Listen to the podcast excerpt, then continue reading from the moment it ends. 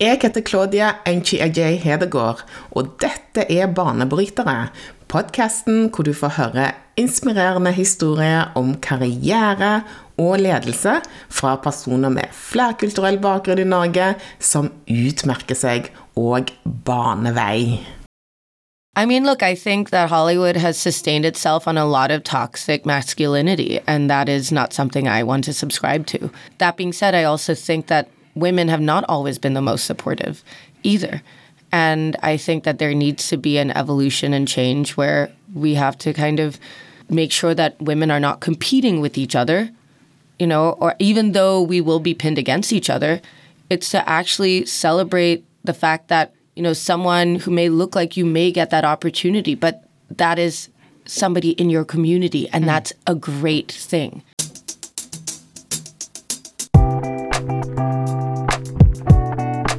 Ukens gjest er multitalentet og prisbelønne filmskaperen Trudy Ganguly. Hun har en fot i Oslo og en i New York, og er grunnleggeren av produksjonsselskapet Honto88. Noe av hennes arbeid omfatter spillefilmer, dokumentarer og musikkvideoer, for å nevne noen. Og Keanu Reeves, Daniel Radcliffe og Sarah Jessica Parker er noen av en lang rekke store Hollywood-navn som hun har jobbet med. Hun var produsenten bak Vogues populære 73 Questions-serie, og hennes regidebut, 'Tripped Up', hadde nylig premiere i USA. I Oslo så har hun allerede rukket å regissere prosjekter for bl.a. Eh, nye Munch, Ane Brun og Vogue Skandinavia. Hun er en eh, rettferdighetsforkjemper som engasjerer seg i spørsmål om bl.a. kjønn skjønn og fengselsreform. Hun har studert film ved den prestisjetunge Tish Grad Film Program ved New York University.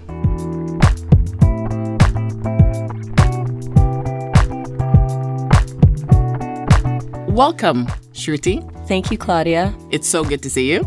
It's so good to see you too. Yeah. Thank you for having me. I am so excited to have you here because I have loads of questions and you have no idea what I'm going to ask you. Nope. nope. I like surprises. You like surprises? All right. When I was uh, doing my research on you, uh, Shruti, uh, I have to admit that I was a bit overwhelmed, but I was very impressed. Uh, you have done so much, and uh, you are a filmmaker, you are uh, a, a producer, you are a writer. Uh, you have been in the media and entertainment uh, industry for many, many years and uh, you have changed career paths. Uh, you have worked with a whole bunch of celebrities, and you have directed films for a whole bunch of renowned brands. Whew. Did I kind of sum it up right? or did I leave something out? I mean, I think you know it's an, it's interesting because you never really kind of take a moment to reflect back because you're so focused on what more is ahead. And there's no specific number or amount or you know target really. I think the target's just constantly moving. But it's not even about the target. It's just about growth and you know, collaboration because i work in an industry in media and entertainment that is incredibly collaborative and while I can claim all of these things on a resume. I couldn't have done it without a lot of wonderful partners or opportunities that can also come from other people. But, you know, I, I say this often that you have to ultimately make things happen and work for yourself because no one will want it more for you than you should mm. for yourself. So mm. you should never wait around for people to kind of show up for you. But I think I've been able to have, you know, the work career so far because of you know, various people and opportunities. Mm. But congratulations on your recently released movie, Tripped Up. Thank and you. I know you've been really, really busy promoting uh, the, the movie in the States. How has that been going? I mean, it's a very strange time to be promoting anything at this moment when there's so much happening in the world. And I think that's something that I've had to grapple with when we're seeing what's happening in Gaza, Congo, Ethiopia, so many parts of the world. And so much of my work, even though it's in media and entertainment, I am pretty active when it comes to navigating social justice initiatives, whether it's in the States or in India and other places. And so it's been a strange time to have a film come out, the first that I've ever directed. I mean, I've written um, other films, I have produced several movies, but I think what this movie is, Tripped Up, it's a comedy about friendship and four girlfriends. And earlier in the year, I was sitting with Gloria Steinem and I asked her, you know, how do you stay hopeful? Because right now I'm feeling so beaten down. I've just had the writer's strike in Hollywood and I'm a very proud member of the Writers Guild East. So I was on strike. I really felt like Indian democracy has hit a point of despair. And so I just simply asked her, How do you stay hopeful? And she said something to the effect of, Well, you have your friends. And that's how you can really sustain yourself. And that meaningful, deep friendship is something that I think can help us all through um, navigating you know various situations. And i feel like my movie is about four girlfriends and it's about friendship. And when my friends came to the premiere in new york so many of them felt like it was balm for the soul that for a few hours they had been transported away from the world even for a moment and got to laugh mm. and remember what matters to them which in spite of various hardships was helpful and that being said I will never want to make, you know, make something or say anything that takes away from the reality of the world. And I think a lot of people have to address that too simultaneously while promoting, you know, whatever that they've made. Yeah, no, I, I totally get you. But how has the response been so far? The response has been really, you know, great for the film, which has been obviously really endearing to me and to the other crew members. It was not an easy production at all. This was not an easy movie to make. I had to make this movie in 20 days within a budget. It is an ensemble comedy with a road trip at a big food festival. There are stunts. Four actors are on almost every scene. And on day seven of already a hard shoot, one of my four leads got COVID and suddenly could not be on set for 10 days and we couldn't change the schedule because one of our other actresses had to go back mm. to her TV show. And so we had to make a few s- script adjustments, but really my cinematographer, my assistant director, and myself found ourselves like tetrising the entire production for the rest of it to make it look like four friends were in the movie the entire time. Mm.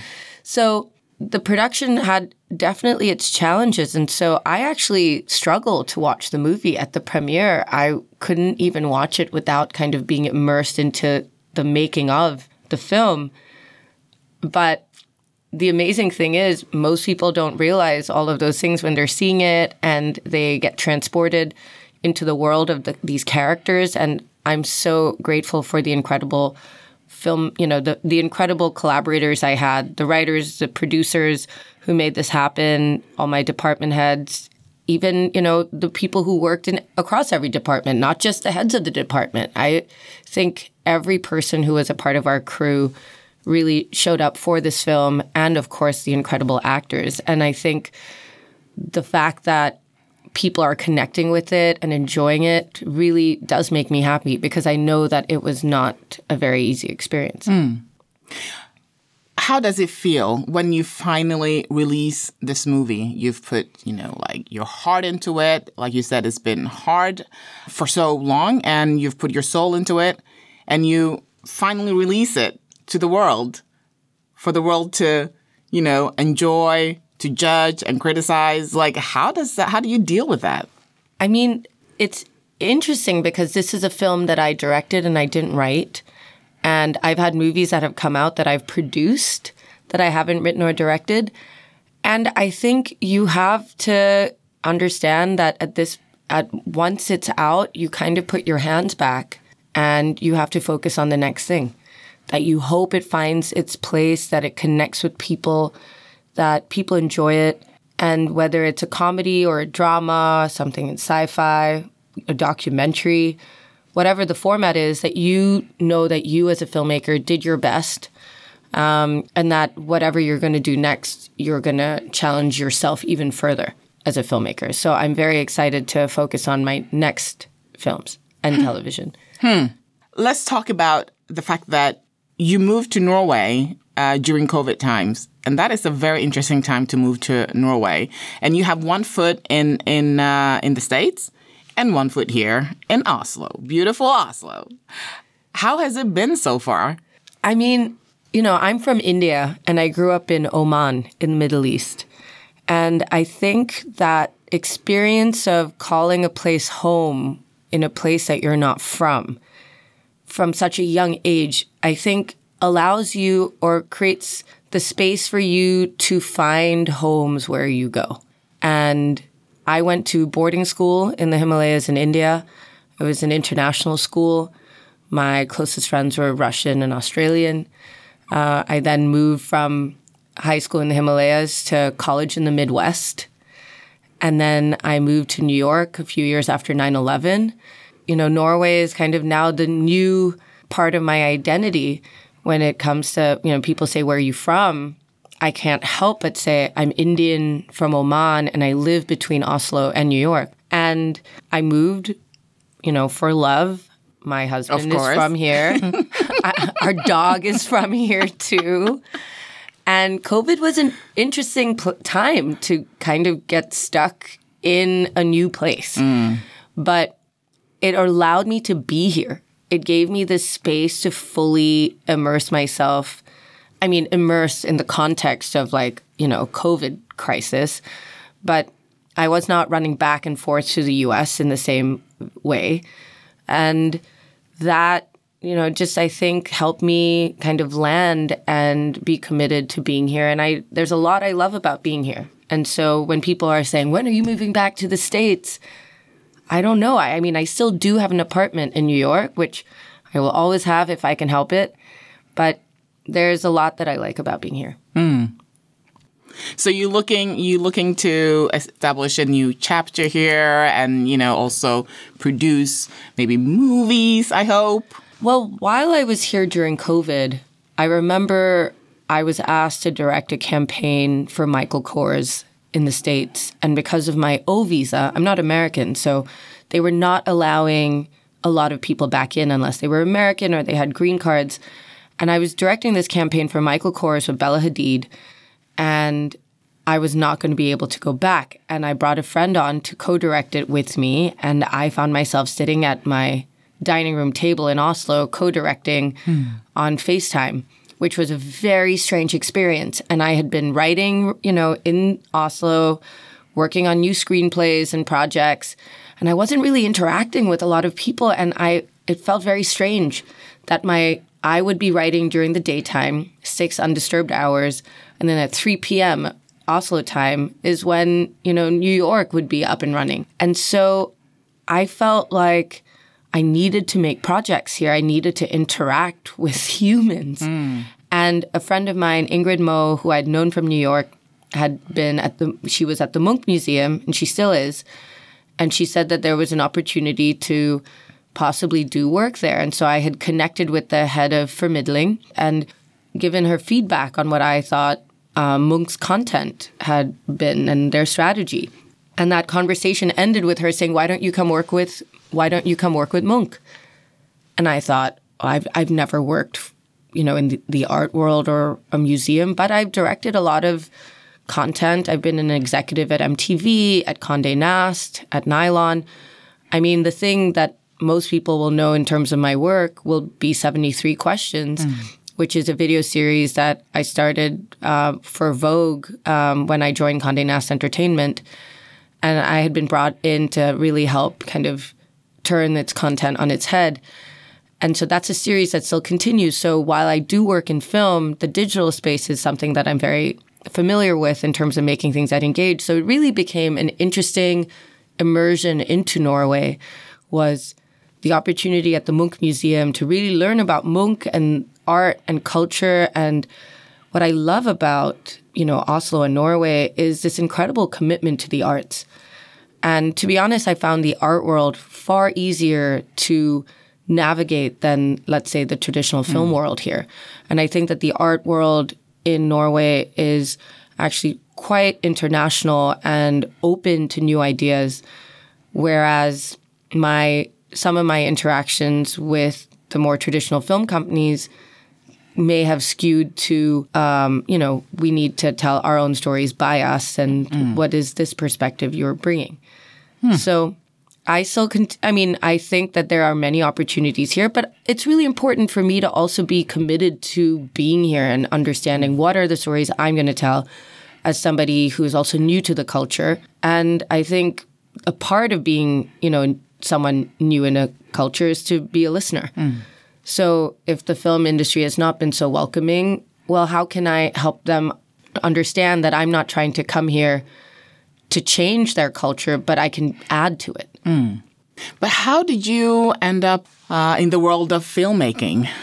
That's you know that's a good question because I don't have the story that is that when I was a kid I always wanted to be a filmmaker. Growing up in Oman, it's not like one knew a lot of people in the arts. And I really thought that I was going to, I mean, there was a great appreciation for the arts, of course, and I painted and I did music and, but I really thought I would go into, there was a part of me that was like, I'm going to be an, a banker or I will be a painter. And when it came to applying for college and I wanted to go to the US, my family was not so keen on me pursuing a career at an art school. Mm. And I went ultimately to Northwestern where I did economics and painting. So I was able to kind of combine. Wow, that's pretty cool combination. Yeah. So I thought I would be the banker who paints on weekends. I was so motivated. I'd even interned at the National Bank of Oman in retail and investment banking when I was like 17, 18, the, the summer before I went to college. Mm. The following summer, I worked at Ernst & Young. I was like, oh, maybe consulting is my space. And in the meantime, my cousin's sister I grew up with uh, in Oman, and then she had moved to Delhi, she had committed to the arts.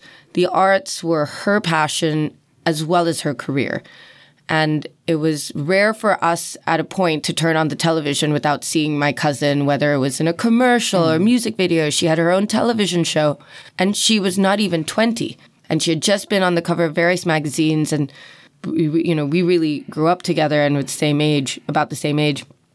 And I'll never forget the phone call I got at 19 from my father. And I'm sitting in Evanston, Illinois, and my father had, tells me that my cousin has just been killed in a car accident. Oh man! With you know, for, with several of her friends, and that was so devastating because in a way I felt like I was vicariously living through my cousin. Mm-hmm. She had committed to the arts and because we were so close, I felt like I was able to kind of stick to this path of this is what I need to do. Mm-hmm. You know, I'm good at math and school and, you know, even though I think that this is a misconception that a lot of communities have is that to be good at school you have to kind of go into something that feels like not the arts, mm. which is, I think, a way of thinking that ultimately, you know, is constantly challenged and mm. changing. But when my cousin passed, you know, and this is many years ago, um, almost 20 years ago, really, I had to, more than 20 years, I had to really have this, I allowed myself to make a broader range of choices. I took classes that just sounded interesting. Mm that did not necessarily make sense for my career, but I was really challenging what is that career? Do I really want to do this? What is it that I want to do? I know now we have acronyms like YOLO, but then I was really kind of reminded of you only do have one life. Mm. And I haven't been brave enough at that point to figure out what I wanted to do was. And so it was in that exploration that this I took this class called Women in Indian Cinema from a visiting professor from Bombay. And it was a theory class that was really going to delve into representation of women and gender on screen. And the first movie we watched was Satyajit Ray's Pather Panchali. And nothing was more clear and pronounced to me that for me, cinema was going to be my medium. Mm. That through moving pictures, I was going to be able to bring stories to life to the screen that could really transport people, if only for a while, mm. but shift something in them. And so that's when I knew exactly that I wanted to be a filmmaker, that I needed to explore this. And, you know, that became my path. But of course, after 9-11, being international, etc., like it was not a straightforward one. But that's when I knew. Yeah. What what have been uh, some of the challenges that you've uh, faced since you went into into filmmaking? I mean, you know, one of the things when you are a foreign person in the US or, you know, a foreign person anywhere, you have to figure out how you have your visa, how you get your paperwork, how you get paid. Perhaps the thing that you want to do is not what's paying you. Hmm. That you have to also figure out how to sustain yourself. That it may feel like a compromise, but actually there's no compro- compromise when it comes to how you survive.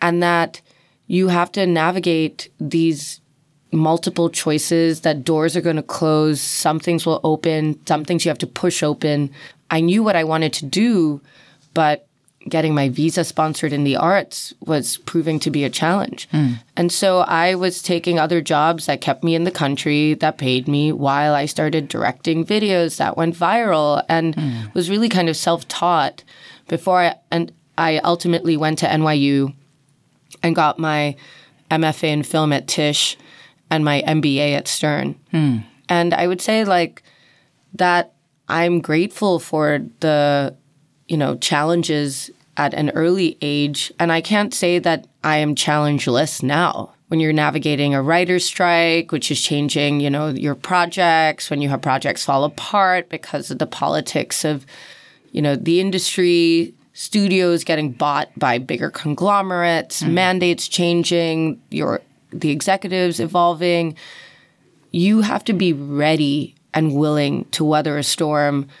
And I think, again, it kind of goes into the thing I said earlier whether it's your friends or your community or circle of trust. That is how you survive it because it is so not, and it shouldn't be a solo experience. Hmm. Find ways to collaborate, to share, to grow from that is also a you know you're able to you know meander this kind of temperamental business. Hmm. And that was actually my next question for you. How is life in the media and entertainment industry? Like, if you could give us some insights of how it is. I mean, you said a little bit about it, but like, is there anything that for people like myself who have no clue? I mean, I work in the media industry, but not in the same way. How do you navigate? I mean, I can only speak to my own experience, but I feel like that navigation is constantly evolving because so is my business. Mm. And I think that you have to, if you can, at least m- maintain and hold on to the things that are really important to you. And there are projects I've walked away from because I may feel that the team may not truly understand how to respect women or people of color. Hmm. And I know that me being that perspective in that space or that room could add value. And there are some cases where you need to be the person in the room, but then you have to have like a moment where you're not going to be the person who's solving it for folks who are toxic. Hmm. And so I would say that, you know, in the media and entertainment business, it is hard to maintain a moral compass when you're chasing opportunities, but it is a moral compass that you can look back on hmm. and feel really good about your choices, the yeses and the nos, and that that accumulation is ultimately what you're going to be known for in hmm. your career. But have you lost opportunities, be, you know, like major, major deals because of, you know, your moral compass and yeah.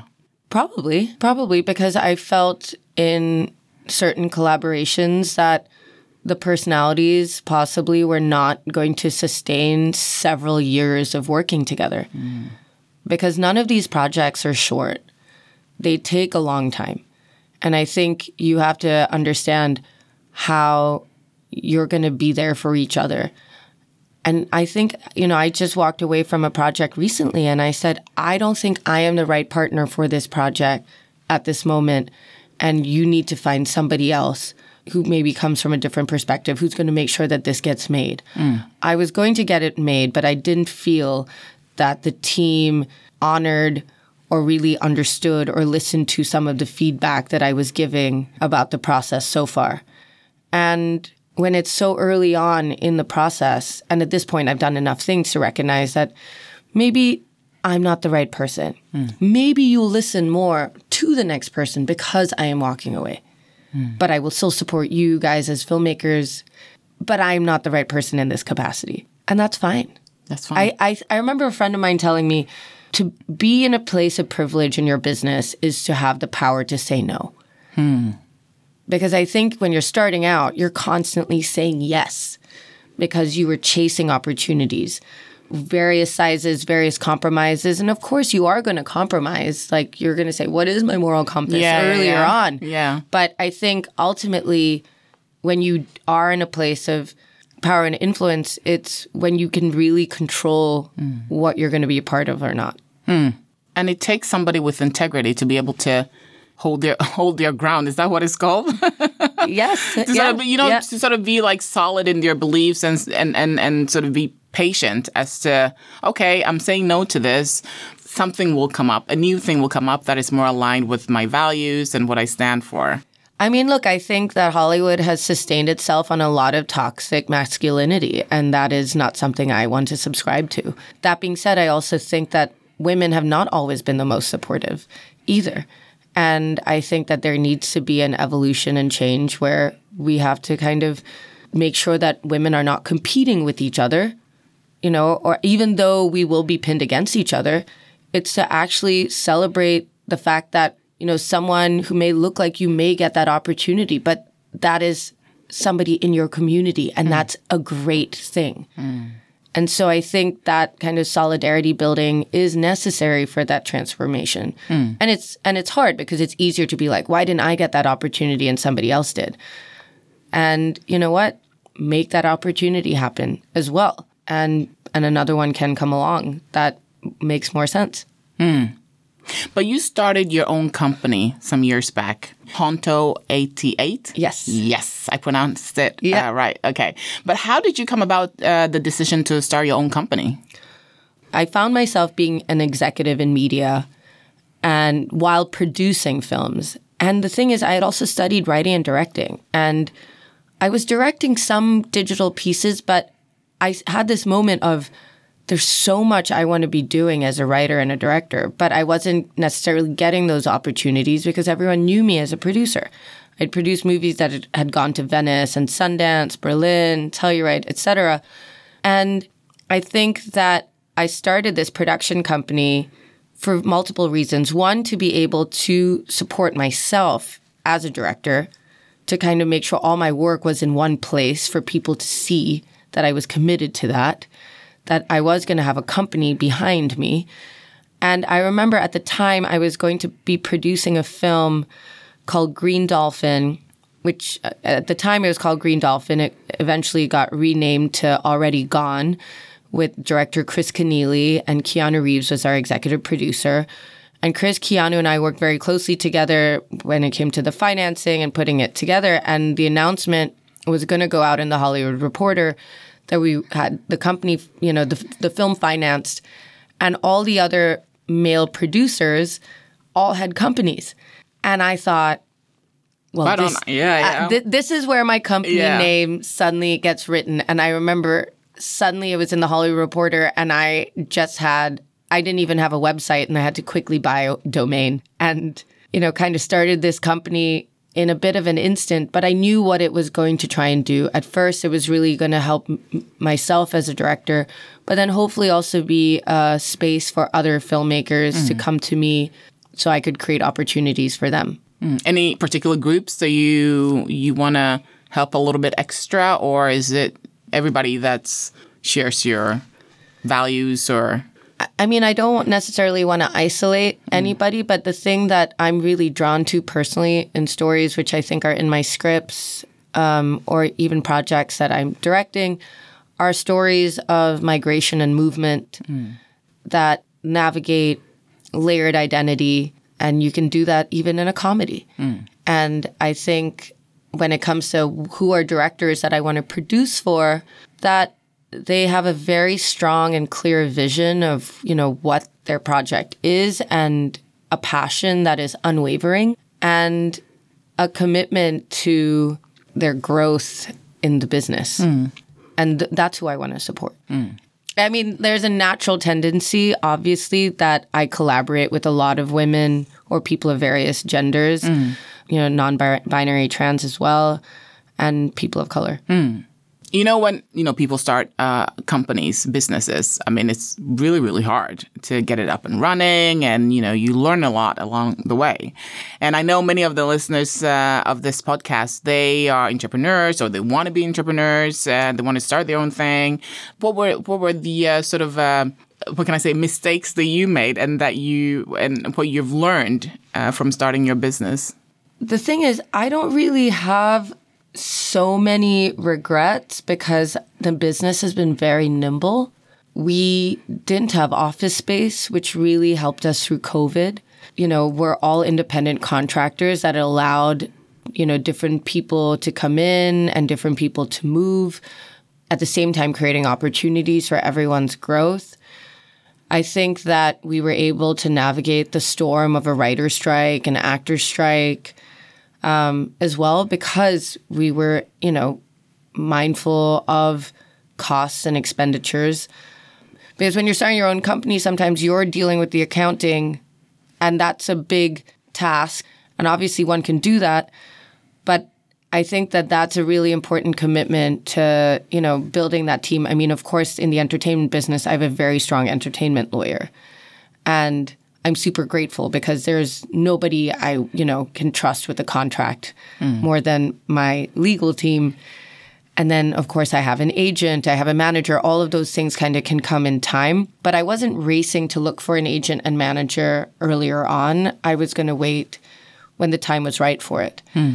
And even though you can have all of those teams and those people, like you still have to do so much work. It's hmm. really important to never be lazy about the work.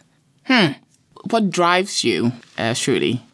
I mean, that's a really great question because I think this year, when the strikes were happening, when projects were, you know, falling apart because of the economy and so on, I really had to ask myself this question Why am I doing this? Is, is this the business I wanted to be in? And I was in New York at the time, walking back to my apartment, and I walked by the Metrograph movie theater, which is in my neighborhood and Fellini's Eight and a Half was playing. And that's one of my favorite films. And I decided I'm just going to go to the movies by myself and buy this ticket today. Mm. And I just sat there watching this film that, you know, took me away, that made my heart expand, that made my creative soul flutter. And I was like, this is why I do this because I want to be able to make these stories that feel like expansive, that shift people's ways of thinking, that can make people laugh, they can make people cry, that I should maintain and remember why I wanted to be a filmmaker. Hmm. It wasn't to necessarily fall into, you know, a, a capitalist American um, system and that the projects I want to make are international, that I can grow in those directions, that I want to do things I haven't done before yet. Um, I would love to direct a play. I'm now reading, you know, different plays and thinking about how could I also explore this medium. I think when you're um, a storyteller, you know, or an artist of any forms, like the, you know, to allow yourself the space to grow. You're forever a student, and so I would say like my commitment is to kind of forever learning. Hmm. So, what would you say have been the biggest learning here in Norway? I mean, I think what's been really interesting about being in Norway is, I mean, it's massively different culturally. You know, Norway, you know, I, I and I'm from India. I think we're culturally very, you know, quite different. I also think New York and Oslo are vastly different. But I don't think I'm in Norway or Oslo to replicate those experiences, but to kind of borrow from and adapt. There's a lot I like, you know, the fact that, you know, there's a commitment to nature, there's a commitment to family. I, I mean, that's also something very, you know, obviously synergistic with, you know, an Indian community as well.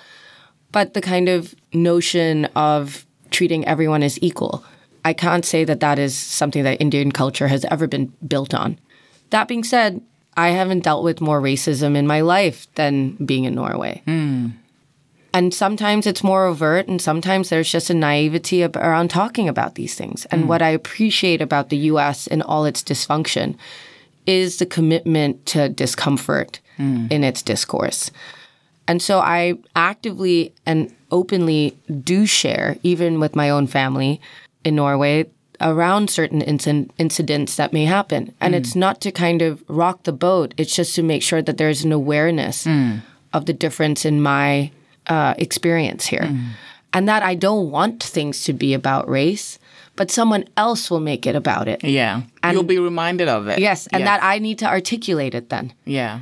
And I think being able to articulate it is really crucial to an awareness that needs to happen more often. Uh, what I hear often here is, I don't see color, mm. which I understand the well intentioned aspect of it that you see everyone as equal. But what that also implies is that you are not truly understanding what a person of color may be encountering when faced with discrimination. Hmm. And so I think you can say when, and I, you know, I think there's a couple of rules when it comes to talking about race. I never thought I would say that there's rules because there's many ways to talk about race.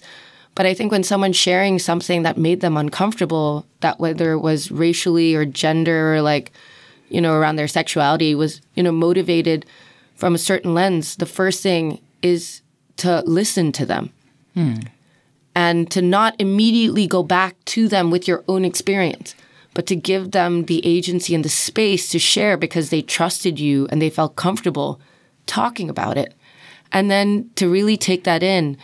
And it does not make you or your community or your the country bad. You know, it's just the there needs to be more um, openness and awareness with these conversations.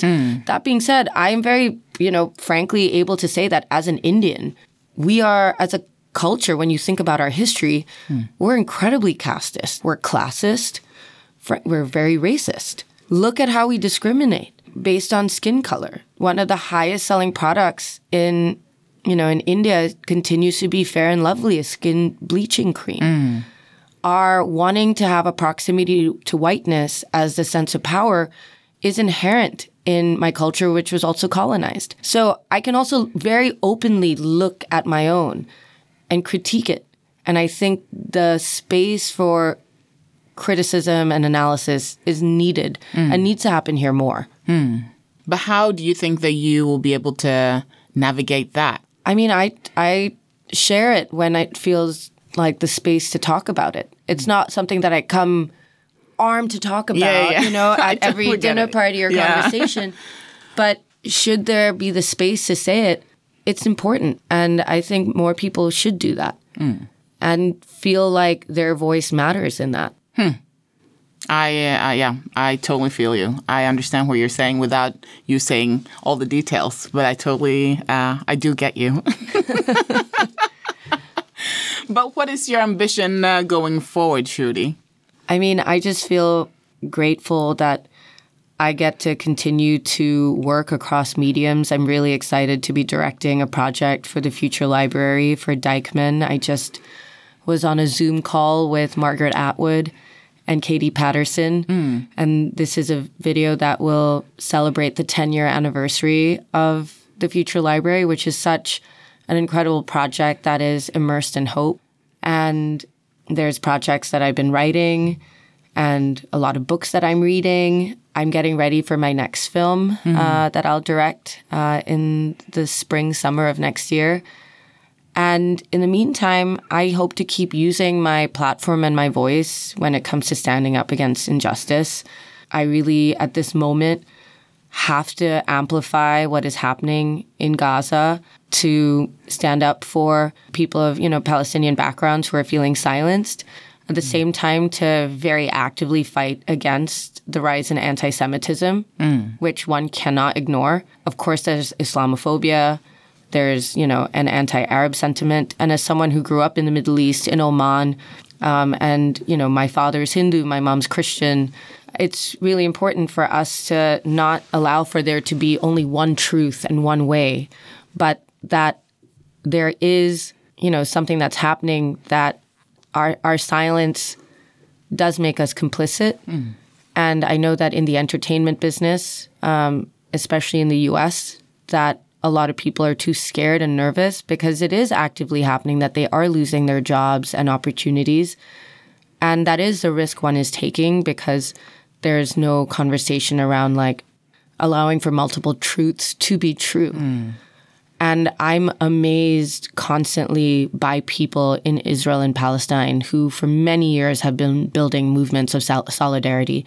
Those are the people that I really look at, and I'm like, you've been doing the work mm. because you believe in a shared humanity and the need for there to be a space for people to exist, to have the space, the freedom to not have the water or electricity cut mm. off by a dominant force. So I think that's also something that we have to kind of, you know, as artists, as storytellers, as people in media and entertainment, recognize the privilege of having a voice and to speak for the people who can't. That's beautiful. And I'm really, really glad that you're here in Oslo and you're going to be working here and you're also going to be challenging status quo. And I love that. I hope you're going to do that. Yes, You're going to challenge the status quo. I hope you do. Okay? Yes. Ask Yes. the difficult questions and have the difficult conversations. Challenge people uh, and bring in new, uh, new inspiring ways of, of doing things. So I am absolutely rooting for you, and I'm looking forward to seeing what you uh, come up with uh, next. So Me uh, too. Yeah. Every day it's different. so I'm really looking forward to it, and I uh, thank you so much, Shruti, for uh, coming to the podcast, Banebrytere, and uh, sharing your story. I wish we had more time to to talk and hear more about uh, your whole journey, but uh, we should save it for maybe a part two episode or something like that. When uh, yeah, when you've done with uh, some projects here in Oslo, and that we can talk probably more about that. Yes, I can't wait for there to be Yeah. more projects in Oslo. I would really welcome it. And for our second conversation. Yes, Thank you. Claudia. Thank you for coming, Shruti.